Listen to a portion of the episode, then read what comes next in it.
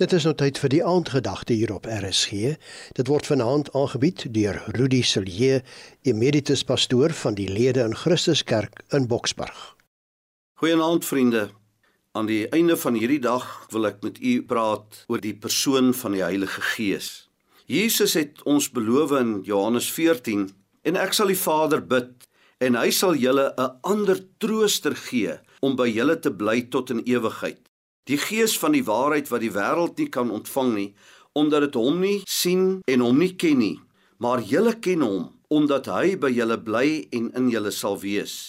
Maar die Trooster, die Heilige Gees wat die Vader in my naam sal stuur, hy sal julle alles leer en sal julle herinner aan alles wat ek vir julle gesê het. Hoe wonderlik is dit nie om te weet dat die Heilige Gees so met ons persoonlik gaan werk nie.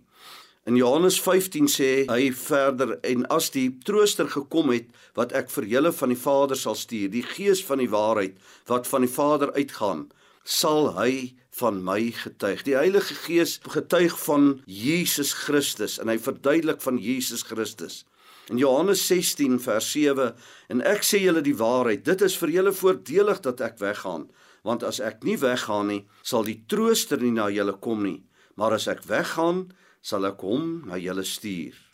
En as hy kom, sal hy die wêreld oortuig van sonde en van geregtigheid en van oordeel. Van sonde omdat hulle in my nie glo nie en van geregtigheid omdat ek na my Vader gaan en julle my nie meer sal sien nie en van oordeel omdat die owerste van hierdie wêreld geoordeel is. Nog baie dinge het ek om aan julle te sê, maar julle kan dit nou nie dra nie. Maar wanneer hy gekom het, Die Gees van die waarheid sal hy julle in die hele waarheid lei. Want hy sal nie uit homself spreek nie, maar alles wat hy hoor sal hy spreek en die toekomstige dinge aan julle verkondig. Hy sal my verheerlik omdat hy dit sal neem uit wat aan my behoort en aan julle verkondig. Alles wat die Vader het, is myne. Daarom het ek gesê hy sal dit neem uit wat aan my behoort en aan julle verkondig.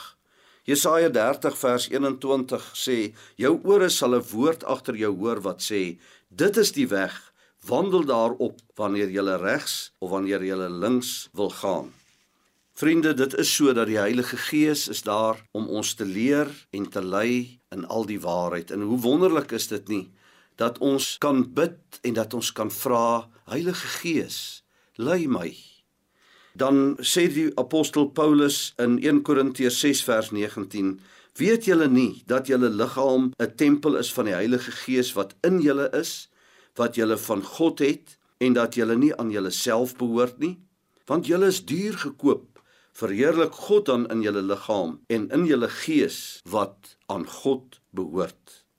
Laat ons toelaat dat Heilige Gees in ons werk om te wil sowel as om te werk na sy welbehae Die aandgedagte hier op RSG is vanaand aangebied deur Rudi Silje, emeritus pastoor van die Lede in Christuskerk in Boksburg.